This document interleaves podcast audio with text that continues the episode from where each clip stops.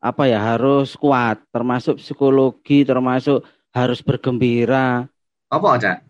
Lah ya apa gak bergembira? Wong Mas Wawan positif sempat kelonan barang. Tembungan ya.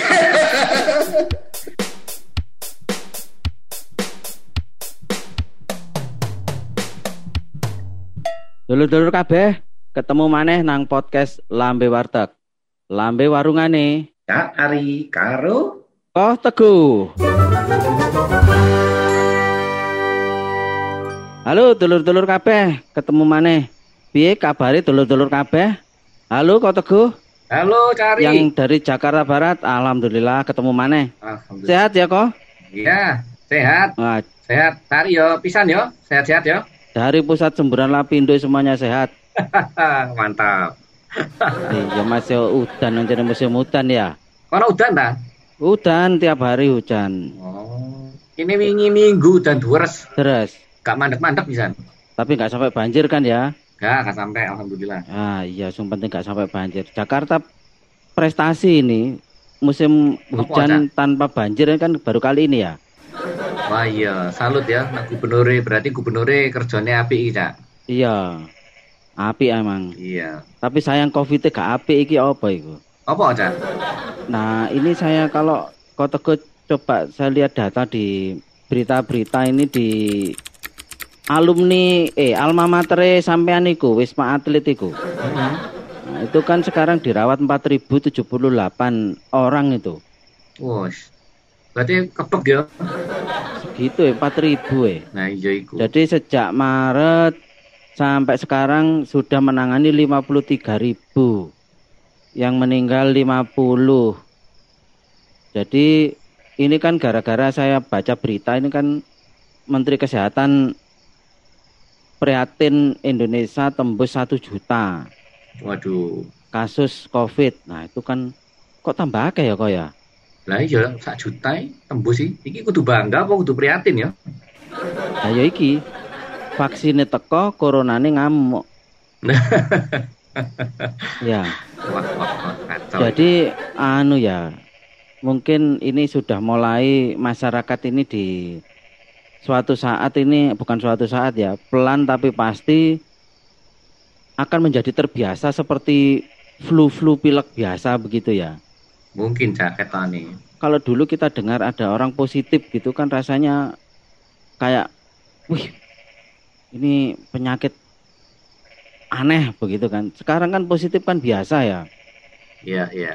yang itu kan seiring kesadaran masyarakat kita ya termasuk 3M termasuk penanganan ketika sudah kena itu harus bagaimana itu kan kita sudah bahas ya dulu ketika Kok Teguh mendapatkan ini ya harus apa namanya ini rapid ya swab sampai isolasi dan di rumah sakit darurat Wisma Atlet begitu kan dulu ya Iya. Lah waktu terakhir-terakhir iki krungune sing model-model kayak awak dhewe iki, kayak aku biyen sing kena iku, kan kondisinya tanpa hampir dibilang tanpa gejala atau gejala ringan. Heeh. Nah, di, di, di Jakarta ini sendiri dihimbau sih untuk yang bergejala ringan nggak perlu sampai nang rumah sakit darurat Wisma Atlet. Ya mungkin bener Cak, karena mungkin kapasitasnya juga sudah mulai meluber itu, sudah membeludak. Jadi penanganan khusus yang darurat-darurat mulai nyenggol nyowo digawa nang Wisma Atlet ngono ya. Nah, iku. Nah, ketokane kanca dhewe ana sing sadok serem iki critane iki. Perlu digali ketokne, Cak. Iya, piye piye? Nah, iku sing Mas Wawan. Sampeyan wis hubungi ya, Mas Wawan? Oh iki tas mlebu iki. Halo, Mas Wawan. Halo, Cari. Piye kabare Mas Wawan? Alhamdulillah. Piye kabare Kok Teguh? Ya, sehat-sehat alhamdulillah semua. Alhamdulillah kabeh sehat. Oke. Wah, lama nggak ketemu ya. Nang di saiki? Alhamdulillah eh, nang Tangerang. Eh kok Wah, tanggane tanggane Mbak Dias wingi iki. iya. Tungguan Waduh. Tangerang. Oh iya padha Iya, Tangerang. Tangerang. Iya ya. Jadi dulur-dulur lambe waktu kabeh ini kita sudah bertiga ngumpul ini. Saya di Sidoarjo di Pusat Semburan Lumpur Lapindo, Kok Teguh di Jawa Barat dan sudah ada Mas Wawan di Tangerang ya. Di Tangerang jadi seperti biasa kita podcast jarak jauh. Nah, ini kita mengajak Mas Wawan untuk gabung ini karena memang Mas Wawan ini termasuk punya pengalaman yang insya Allah bisa membuat kita lebih paham ya tentang uh, COVID penanganannya bagaimana karena apa Mas Wawan namanya penyintas ya? Penyintas sih. Kalau saya baca-baca penyintas bukan survivor. Nggak tahu kenapa penyintas bahasa Indonesia kali ya. Oh dia bahasa, bahasa bahasa Indonesia penyintas artinya orang yang sudah pernah mendapatkan atau uh, kena virus gitu ya. Survive. Survive. Uh, ya, bertahan uh, survive. Oh, begitu. Ya, jadi ini langsung saja ini ya Mas Wawan. Ya, Mungkin uh, Mas Wawan bisa cerita kepada kita-kita. Mudah-mudahan ini nanti bisa mengedukasi kita dan semua dulur-dulur di penjuru dunia. Wah, ini penjuru dunia ini podcast ini.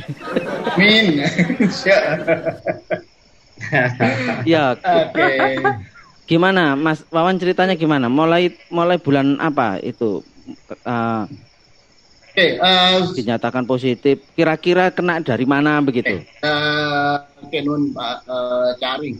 Jadi uh, terus uh, sebelum saya kena ini nggak tahu ya. Uh, Raru apa eh, merupakan doa yang terkabul atau enggak karena eh, COVID itu banyak orang yang nggak percaya apalagi di Kabupaten Jember saya ikut eh, Facebook grup Kabupaten Jember Jember dari sekian banyak eh, banyak yang nggak eh, ini nggak percaya hmm. ya, dalam hati nggak tahu terlintas saja terlintas saja mungkin kalau saya misalkan dapat nikmat ini aku mungkin bisa berbagi. Nah, oh yo. Ya. Benar-benar nah. alhamdulillah oleh nikmat itu, nikmat ikut ya. merasakan bagian dari sejarah. Merasakan. Iya. Pengalaman, pengalaman. Pengalaman. ya, awal Oktober. Awal Oktober 2020? Ya, 2020. Jadi eh, awal Oktober itu awal-awal tanggal loro tanggal loro itu. Ya. uh, hari Jumat uh. uh, itu mulai rain badan mungkin uh, sama seperti yang dirasakan banyak orang mungkin uh, kontakku juga ngerasain sama hmm. mulai nggak enak badan gerges-gerges gitu ya badan, uh, uh, si pegelinu pegel-pegel pegel-pegel pegel terus uh, ngantuk uh, hmm. pegel ngantuk uh, Jumat sempat ya saya, saya sempat nyetir cuman uh, cepat ngantuk. Iya. Sabtu Sabtu saya, saya tetap nggak enak badan Enak badan. Hmm. Terus malam minggu biasa lah malam minggu lek ono bojo malam minggu arah-arah wis turu lah apa ya selain ngobrol ya dan lain-lain lah. Ya bu apa lapo. Saya aktivitas itu masih ya malam minggu masih malam minggu masih hari minggu uh, masih uh, kesempatan untuk olahraga lah nemenin hmm. bocah-bocah uh, ngoleh iya wajib ya ya nang apa selokan hmm. masih aktivitas masih aktivitas biasa cuma nulis pakai buku hmm. nah hari Senin sudah mulai merasakan uh, lemas hmm. hari Senin itu hari berarti hari keempat sudah merasa lemas, tarikan nafas sudah mulai pendek. Jadi kita ngobrol ini sudah nggak nggak bisa. Sempat ngajar karena hari Senin 6 SKS ngajar dua dua mata kuliah. Hmm. Eh, kelas yang eh, pertama sempat ajar, mana aku hmm. izin off cam. Jadi ngajar sambil liburan. Nah, itu hmm. ngomong raiso konsen. Mungkin asupan oksigen ya kalau tak nggak uh, oksigen ya jadi ngomong secara konsen seadanya uh, yang kelas kedua saya batal hmm. Hari kedua eh, maaf hari Selasa berarti hari kelima masih sempat nyoba ikut meeting lah hmm. meeting di kasur jadi masih merasakan kayak itu biasa lah hmm. kayak itu biasa uh, kita anggap kan uh, kayak itu biasa uh, positive thinking lah Ya.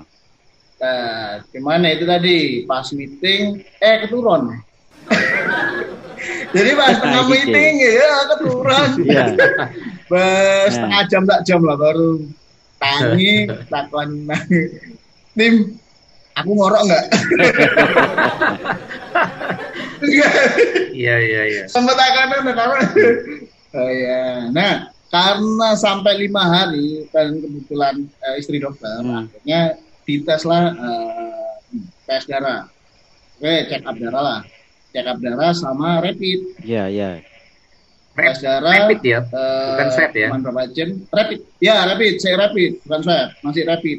Rapid non reaktif. Hmm. Cek darah arahnya ke tipes. Tipes. Tipes itu ya hari Kamis besoknya langsung diinfus kan. Infus treatmentnya treatment tipes. Infusnya nggak nggak nggak ke klinik kita ke rumah sakit karena kita menghindari rumah sakit lah yeah. karena kondisi seperti ini yeah, yeah. dan istri juga kebetulan apa tenaga medis akhirnya infusnya di rumah treatment pakai. Cuman ya itu tadi saturasi udah mulai 92 sampai 94 nggak sampai lebih dari masih di atas 90 saturasi. Berarti beda ya aku Mas Wawan. Le aku sih 98 Mas Wawan. Oh, jenengan? Hmm. Iya, masih 98. Oh, si api mah. Hmm. Si api itu uh, si api nih 98. Hmm. Aku 98 itu uh, setelah seminggu nang rumah sakit. Oke. Okay. Jadi 92 94 92 94 gitu. Uh, keringat dingin.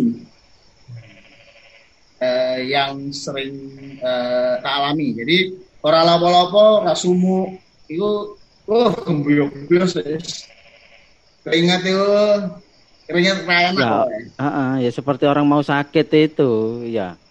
Keringat dingin. Ya. Nah, eh sing tak rasanya ya kayak uang kena tipes sih. Jadi hmm. ya enggak nek sing saya ra ono salahnya nek mau didiagnosa tipes tapi ternyata Covid. Hmm. Emang hampir sama sah, si hampir sama. Jadi ah diare. Diare itu saya alami. Diare ya. Jadi diare. Oh, diare. Jadi kayak tipes jadi pagi enakan seger walaupun difus pagi itu seger menjelang maghrib kayak ini penunggunya teko ya kayak setannya teko oh rasanya awak karena oh enak es disuntik suntik enakan mana berulang. Sampai uh, infusan hari keempat aku lu lali hari keempat atau kelima ya. Kan kalau infusan hari keempat atau kelima harusnya dicopot dan harusnya hmm. uh, membaik. Nah ini nggak membaik. Akhirnya uh, curiga kan? Curiga apa covid apa rapid uh, sorry maaf. Nggak nggak rapid. Rapid yang kedua itu saya lupa hari ke enam atau lupa sih. Itu non, masih non reaktif juga. Akhirnya uh, hari Senin minggu berikutnya uh, kan influenza dicopot. Akhirnya kita ronsen.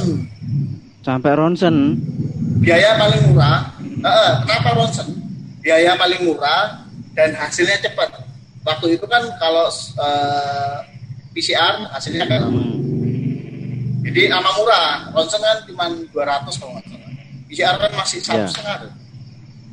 Ronsen tes, ronsen yeah, ya. langsung yeah. Uh, hasilnya berapa jam kemudian siang dapat info ini sudah luka uh, membentuk jaringan parut. Jadi jaringan parut itu kayak di paru-paru di paru-paru bekas operasi bekas cacar hmm. nah itu jadi luka yang hmm. membekas nah itu artinya uh, lukanya udah dalam hmm. akhirnya uh, konsulat ke uh, sorry uh, selisih sehari uh, konsul ke spesialis paru hmm. nah ini mulai spesialis paru ini yeah. mulai bisa Jadi sebenarnya kita punya dua opsi, mau mau uh, satu ke ke dokter spesialis paru yang uh, tanpa mengurangi apa uh, apa uh, hormat saya ke bio-bionya, satu ke yang direferensikan, hmm. satu ya udah emang uh, jadwalnya emang ada saat itu, akhirnya kita uh, apa ke yang uh, yang satu ini. Spesialis paru A. Datang didiagnos dilihat nah didiagnosanya karena mungkin kalau biasanya orang COVID itu hanya berkabut, uh, pneumonia hanya berkabut ya. Nah ini ya. saya uh, luka itu uh, diagnosa pertama TBC. Ini anu ya belum dinyatakan positif itu belum ya positif COVID belum ya?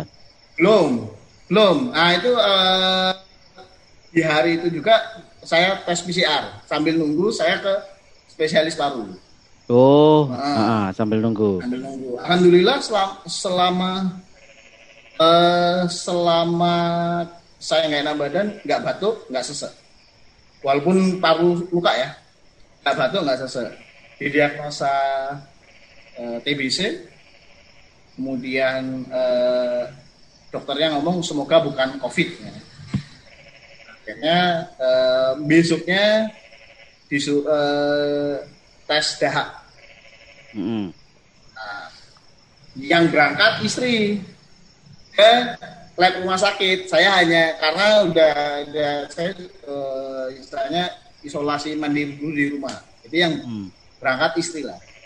Nyerahkan tuh uh, pos apa uh, uh, contoh dahak saya ke laboratorium. Oleh orang laboratorium istri saya dibisikin Hmm. Biasanya Bu, kalau yang kayak gini sekalian tracking HIV. Hmm. Istri mungkin punya punya uh, dasar ilmu juga segala macam karena uh, luka paru antara saya uh, ronsen di akhir Juli sampai awal Oktober itu lumayan cepat, uh, lumayan pendek, tiga bulan lah. Dan luka yang terbentuk itu termasuk cepat. Hmm. Eh, dalam waktu tiga bulan itu ada jaringan baru. Disuruh tracking HIV. Wah, istri langsung WA saya. Hmm. Aku no pengen, ono sing pengen tak omong. Waduh. Ya. Oh, iki. Hmm. Ya wes lah sampai nunggu rumah. Sampai rumah belum masuk itu istri. Belum masuk rumah, saya dipanggil di depan. Ya, ya, Yakin nang Jakarta gak aneh-aneh, nang Tangerang ra aneh-aneh. aneh-aneh apa tuh? hmm. Nah, gitu. Disuruh uh, tracking HIV pisang. Ngodiar. Eh. Alhamdulillah sih selama Jadi selama PJJ, selama long distance eh, LDR mulai 2009 sampai hari ini, hmm. ya alhamdulillah nggak pernah jajan. Jadi anu, dulur-dulur uh, lambe warteg mungkin ini kan uh, Mas Wawan ini kerjanya di Tangerang, tapi keluarga istri anak itu di Jember. Kebetulan istri ya, benar. Uh, bekerja di Jember, jadi yang diceritakan tadi itu kondisinya Mas Wawan ini lagi WFH ya. WFH, WFH, ya, WFH di Jember. ngajar di Jember sekalian. Jadi hmm. kemungkinan terkena virus itu di Jember apa bawaan dari Tangerang ya pas pulang begitu enggak ya? Kira-kira. Uh, nah, uh, dari hasil kira-kira uh, sih di Jember sih. Karena, pas di Jember uh, ya. Nanti, uh, Ya, pasti Jember. Uh, coba saya lanjutin lagi nih, Pak. Ya. ya tadi. Jadi uh, di hari ketika istri uh, nyerahin uh, sampel dahak, hari itu juga hasil uh, swab PCR-nya keluar kan, so, agak sorean. Itu kalau nggak salah hari Kamis atau Jumat, saya lupa hari Jumat ya kalau nggak salah. Hari Jumat uh, PCR keluar, saya langsung uh, ke dokter satunya kebetulan apa namanya uh, praktek di hari Jumat. Bisa keluar sedikit bersyukur sih. Alhamdulillah lah positif. Hmm. Kalau nggak positif HIV. Ya, Sebenarnya tiga ya, ya. tiga penyakit ini tiga penyakit ini penyembuhannya juga lumayan lama.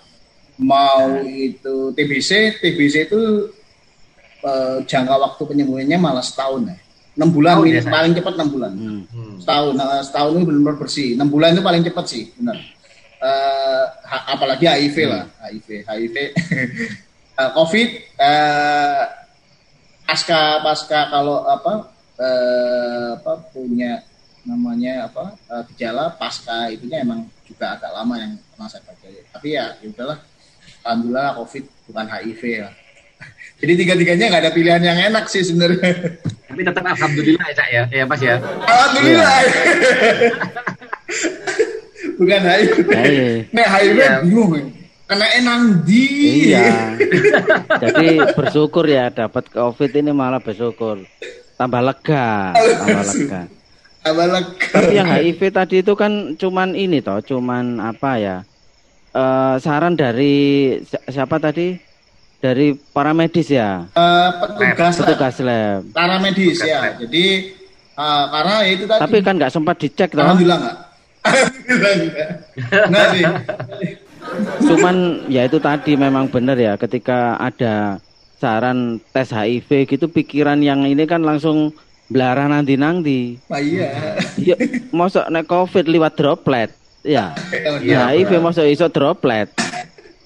Droplet TCC pisan. Iki diwedeni waktu bulan Oktober kan sih rame-rame nih bahas iki. Sopo ya wong lanang sing di 19 detik iku ya. Nah, oh, cocok iya. Mas Wawan ngono kan. Pakai channel pisan ya. Sek burung. Menarik lagi gini, Mas Wawan.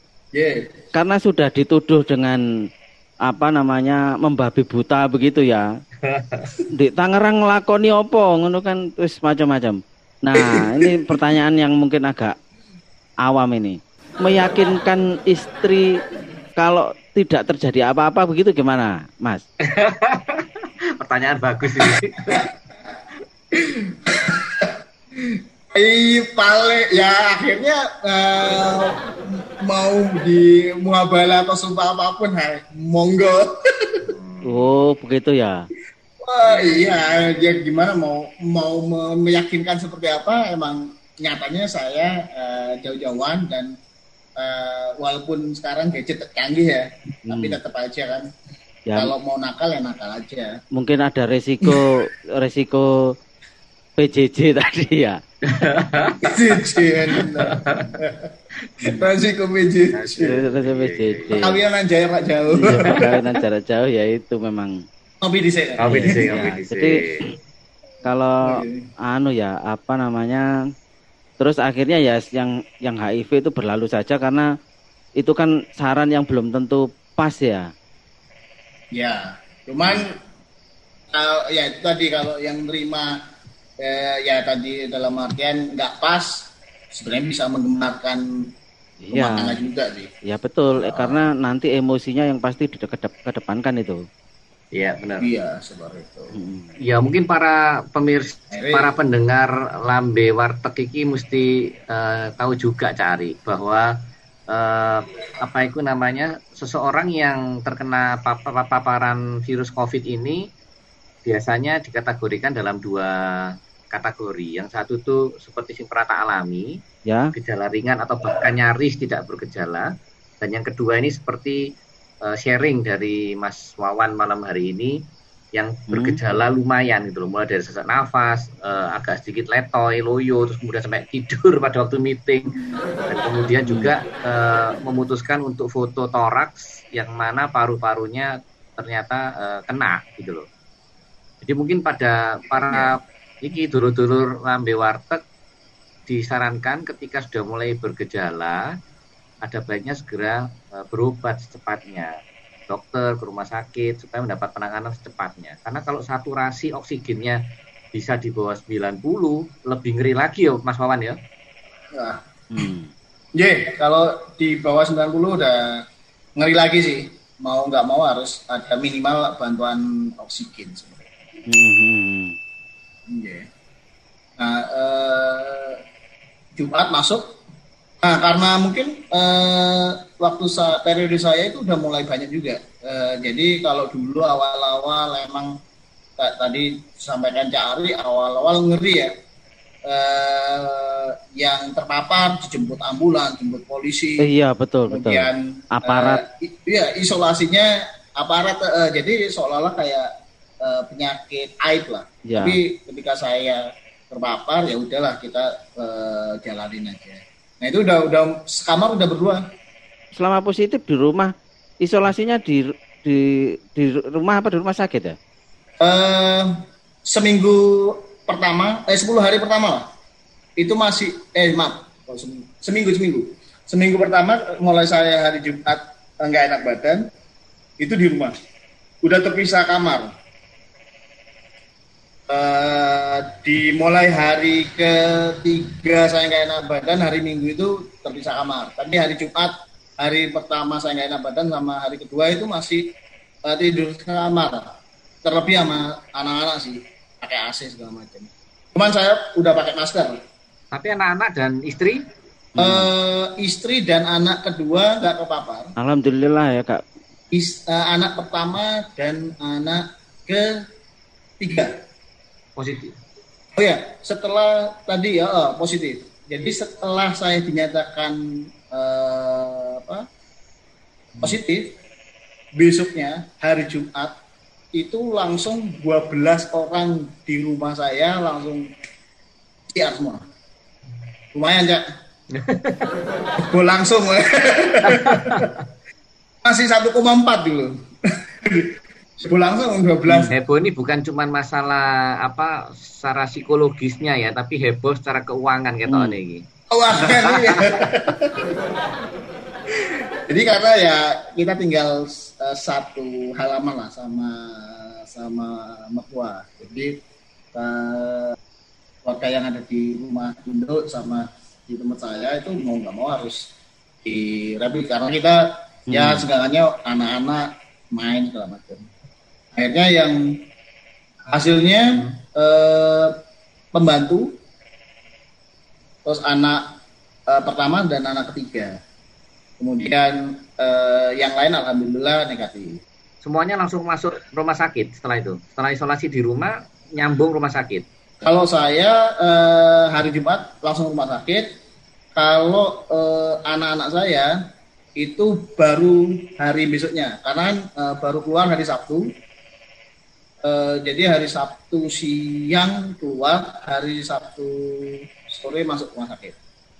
Pembantu karena nggak bergejala diisolasi mandiri di rumah. Jadi dia nggak nggak dipulangkan, diisolasi mandiri di rumah saya di apa hmm. oh, uh, di kamar. Karena istri uh, akhirnya ikut isolasi juga uh, karena ngerawat si kecil. Yang paling kecil kan 22 ya, bulan. Betul. Jadi masuk ke kamar juga. Oh. Ya. Jadi kita ya liburan lah, liburan gratis. Satu kamar harusnya cuman uh, kapasitas dua, hmm. akhirnya saya dipindah ke kamar yang lain satu keluarga. Istri selama seminggu lebih juga, alhamdulillah dampingin kami. Dampingin kami tetap dengan protokol kesehatan dan itu juga me, membuktikan sih bahwa vitalitas uh, uh, hmm. kondisi tubuh juga uh, jadi hal kunci sama apa uh, apa namanya masker. Karena istri ya, ya selama 10 hari di dekat kita. Dan alhamdulillah sampai sekarang uh, negatif. Hmm. jadi ya benar-benar di ya. kita.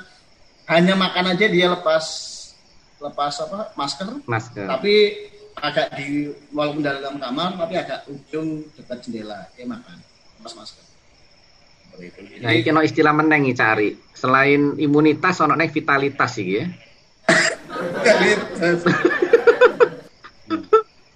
ya memang benar. Kalau dulu kan kau teguh cerita kalau uh, COVID ini orang orang bisa melewati masa-masa kritis kalau kena COVID itu kan imun yep. fisik itu kan harus Benar. apa ya harus kuat termasuk psikologi termasuk harus bergembira.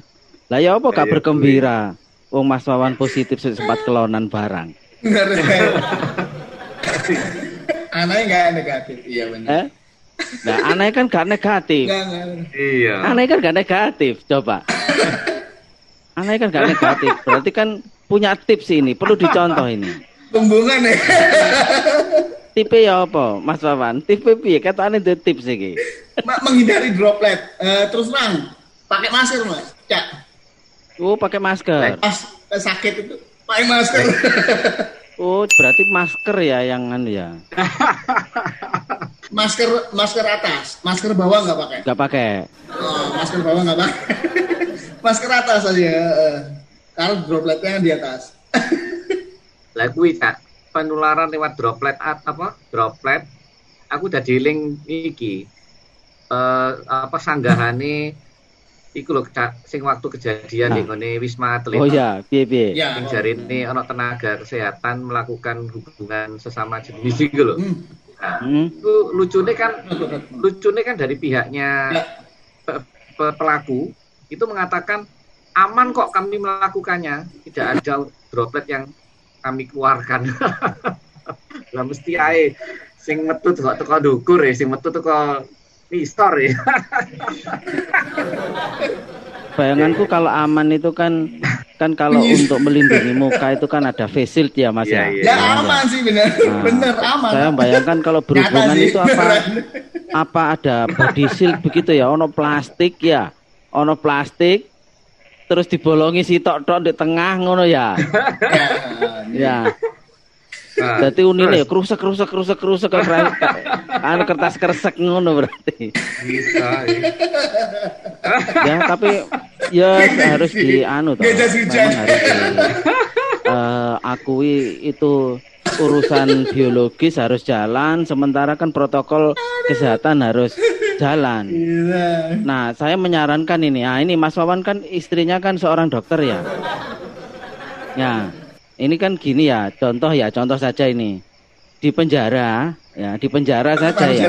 Orang di penjara kan ada ruangan khusus untuk menyalurkan biologisnya itu. Nah, biasanya kan ada pengunjung istri misalnya datang kan ada ruangan khusus ya untuk melepas hasrat itu tadi. Nah, mestinya eh, negara ini selain protokol kesehatan 3M ini harus ada protokol tentang hal seperti itu. Ya. Proto ik protokol apa terusan jenenge ngene iku? 4M. Eh? M keempat, M keempat. Apa kau teku? Hah? ML. Hah? Ya makan lele, Pak ya. oh iya benar-benar. Jadi Iya iya iya iya. Anu, apa jenenge ada 4M ya? Mencuci tangan, memakai masker, menjaga jarak, terus M yang keempat ini melastik. plastik.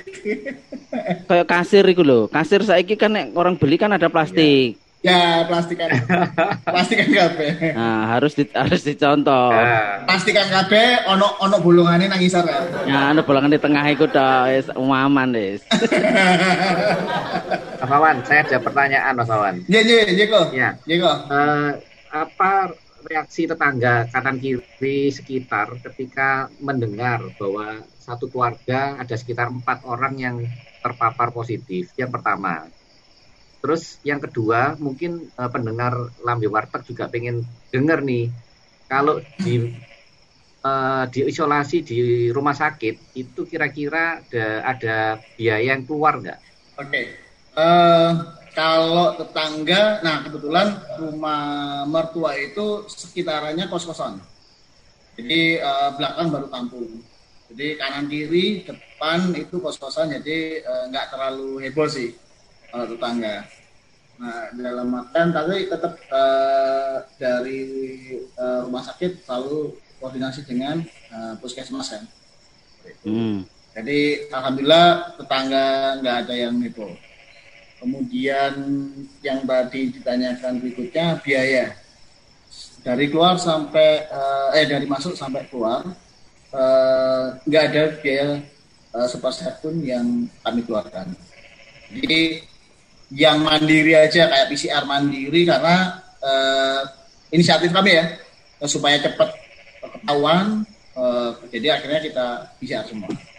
Nah itu ada biaya yang keluar. Tapi ketika udah masuk isolasi dari masuk semua hal itu uh, ditanggung uh, rumah sakit atau negara. Satu sih biaya yang keluar uh, ini biaya laundry. Ya kan?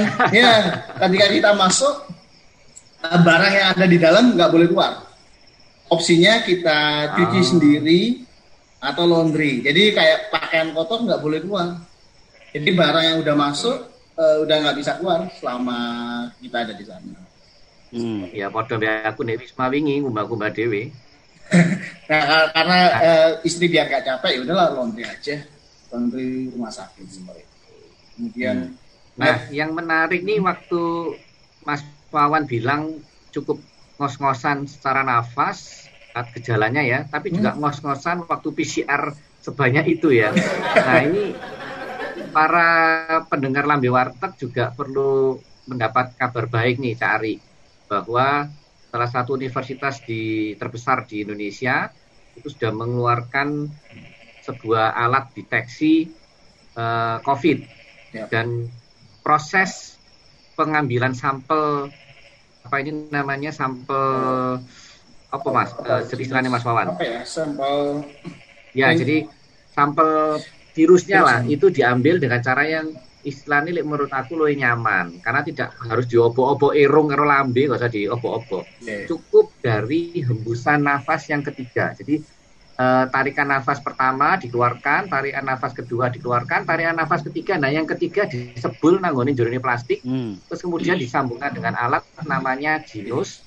dan itu cuma tiga menit kurang lebih hasilnya sudah tahu positif atau negatif dengan akurasi di atas 90% dan biayanya jauh lebih murah, Cak. Paling sekitar ono sing ngomong 5000, ono sing ngomong 20000. Hmm. Jadi kisarannya murah banget. Dan mungkin informasi terbaru per 5 Februari akan di, diuji cobakan lebih masif. Kalau kemarin Minggu itu dicoba di salah satu uh, terminal di Jakarta. Nah, mungkin nanti beberapa waktu ke depan ini khususnya 5 Februari akan lebih masif lagi pemakaian alat ini sementara di terminal dan di stasiun kereta. Ya. Ini semoga menjadi kabar baik sehingga kita kalau swab nggak perlu harus keluar biaya sampai jutaan. Betul ya. itu ya, memang harus ada uh, mungkin kalangan akademik itu para dokter memang harus cari cara yang murah karena kan nanti akhirnya jadi gini Kotogo. Ya betul. Orang kalau misalnya keluar rumah gitu ya, keluar rumah seharian kerja kan protokol kesehatannya kan ke rumah jangan pegang apa-apa, baju, sepatu semuanya dicuci, disemprot pakai apa namanya disinfektan. Disinfektan. Nah, terus pokoknya jangan pegang apa-apa sampai rumah. Termasuk sebenarnya nanti kalau ada alat yang lebih murah itu ketika sehari keluar langsung pakai nafas cek. Ya, jadi kan sehari sekali itu orang kalau mau cek kan sewaktu-waktu bisa kan ya? Iya betul. Ya, itu memang karena kalau swab sampai sekian juta begitu ya, habis swab dinyatakan positif sekian juta, terus dua hari lagi kena, nah kan sama saja ya. Betul, swab, betul. Masa seminggu swab hitung ping pitu. iya, makanya itu. Contohnya cak ya, Mas Yo eh, sebuah perusahaan ini ada satu curhatan dari teman-teman salah satu perusahaan. Dia itu di kantor itu punya jatah uh, tunjangan kesehatan. Masalahnya di kantor itu sing jenenge apa paparan COVID ini ternyata tidak cuma sekali saja terjadi hmm. dalam beberapa gelombang. Nah, ketika terjadi gelombang itu semua karyawan harus dilakukan swab meskipun cuma antigen yang harganya sekitar 200 atau yang termurah di Jakarta sekarang ada yang 80 ribu. Hmm. Nah, tetapi itu ternyata bagi karyawan itu mengurangi iki akumulasi tunjangan kesehatan nih cak. Hmm. Tapi coba kalau pakai nanti jinus yang bisa disebarkan masif ya itu tadi biayanya nggak terlalu berat. Bahkan kalau harus bayar DW ya iso cak ono. Iya kan kalau murah kan masyarakat juga nggak terlalu nggak tahu nggak terlalu apa namanya mikir ya. Wong tiga urip mangane iya. repot tiga swab swab swab swab. Ya. Benar. Jadi koyo anu ngono ku lho, apa keluarga-keluarga sing si awal-awal mari berbuat langsung tes pack karek tuku nang nang apotek ngono lho. Gak usah ribet-ribet ngono lho ya. Iya, ya, murah. Ya, murah. Duyui langsung ketok ngono lho ya. Nah. Iki disebul langsung nanti, ketok. Mm. sehingga nanti kita bisa lebih mengurangi penyebaran. Kenapa? Karena para kayak misalnya tukang tukang beca, supir-supir itu karena biayanya murah, maka dia bisa lebih nyaman untuk melakukan pemeriksaan lebih dini seperti itu. Iya, benar. Sebelum berangkat sebul, pulang sebul gitu kan lumayan. iya. Demi, demi keluarga. Iya. Wah, menarik ini Mas Wawan ini ya. Iya, iya. Jadi ceritanya sampai ke apa namanya mulai ujung sampai ujung ini semoga semua dulur-dulur dapat wawasan baru. Sekali lagi memang covid ini mau nggak mau harus ada di sekitar kita. Yang penting waspada. Nanti kalau misalnya suatu saat mendapatkan gejala seperti yang diceritakan Mas Wawan ya antisipasi langkah-langkah cepat ya harus segera di cek jangan sampai terlambat khususnya bagi yang punya penyakit-penyakit yang bawaan ya seperti diabetes dan sebagainya itu kan yang justru itu yang mungkin nanti berakibat fatal gitu ya. Ya. ya Oke, ya. Teguh ada yang ditanyakan lagi pada Mas Wawan kelihatannya sudah capek itu sudah sudah malam ini. Warungnya tutup, Kak. Warungnya tutup jam malam kan. Iya. Jam malam ya. Iya. Soalnya ada Satpol PP cyber Satpol PP nek ono podcastan bengi-bengi ngene diobrak ya. Nah, makanya Oke, kalau nggak ada ini kau Teguh, mungkin hari ini cukup dengan Mas Wawan. Terima kasih Mas eh, Wawan sudah banyak berbagi. Ya, semoga salam untuk keluarga yang di Jember. Mudah-mudahan sabar. Ya, Ingat ojo macem-macem wis di opo mau wis disumpah. Disumpah. ya nggak apa-apa lah itu cerita-cerita yang menarik yang di di apa yang kita eh uh, apa ya sumpek karo covid gak hilang-hilang ternyata ada cerita-cerita yang memang ya untuk meningkatkan imun.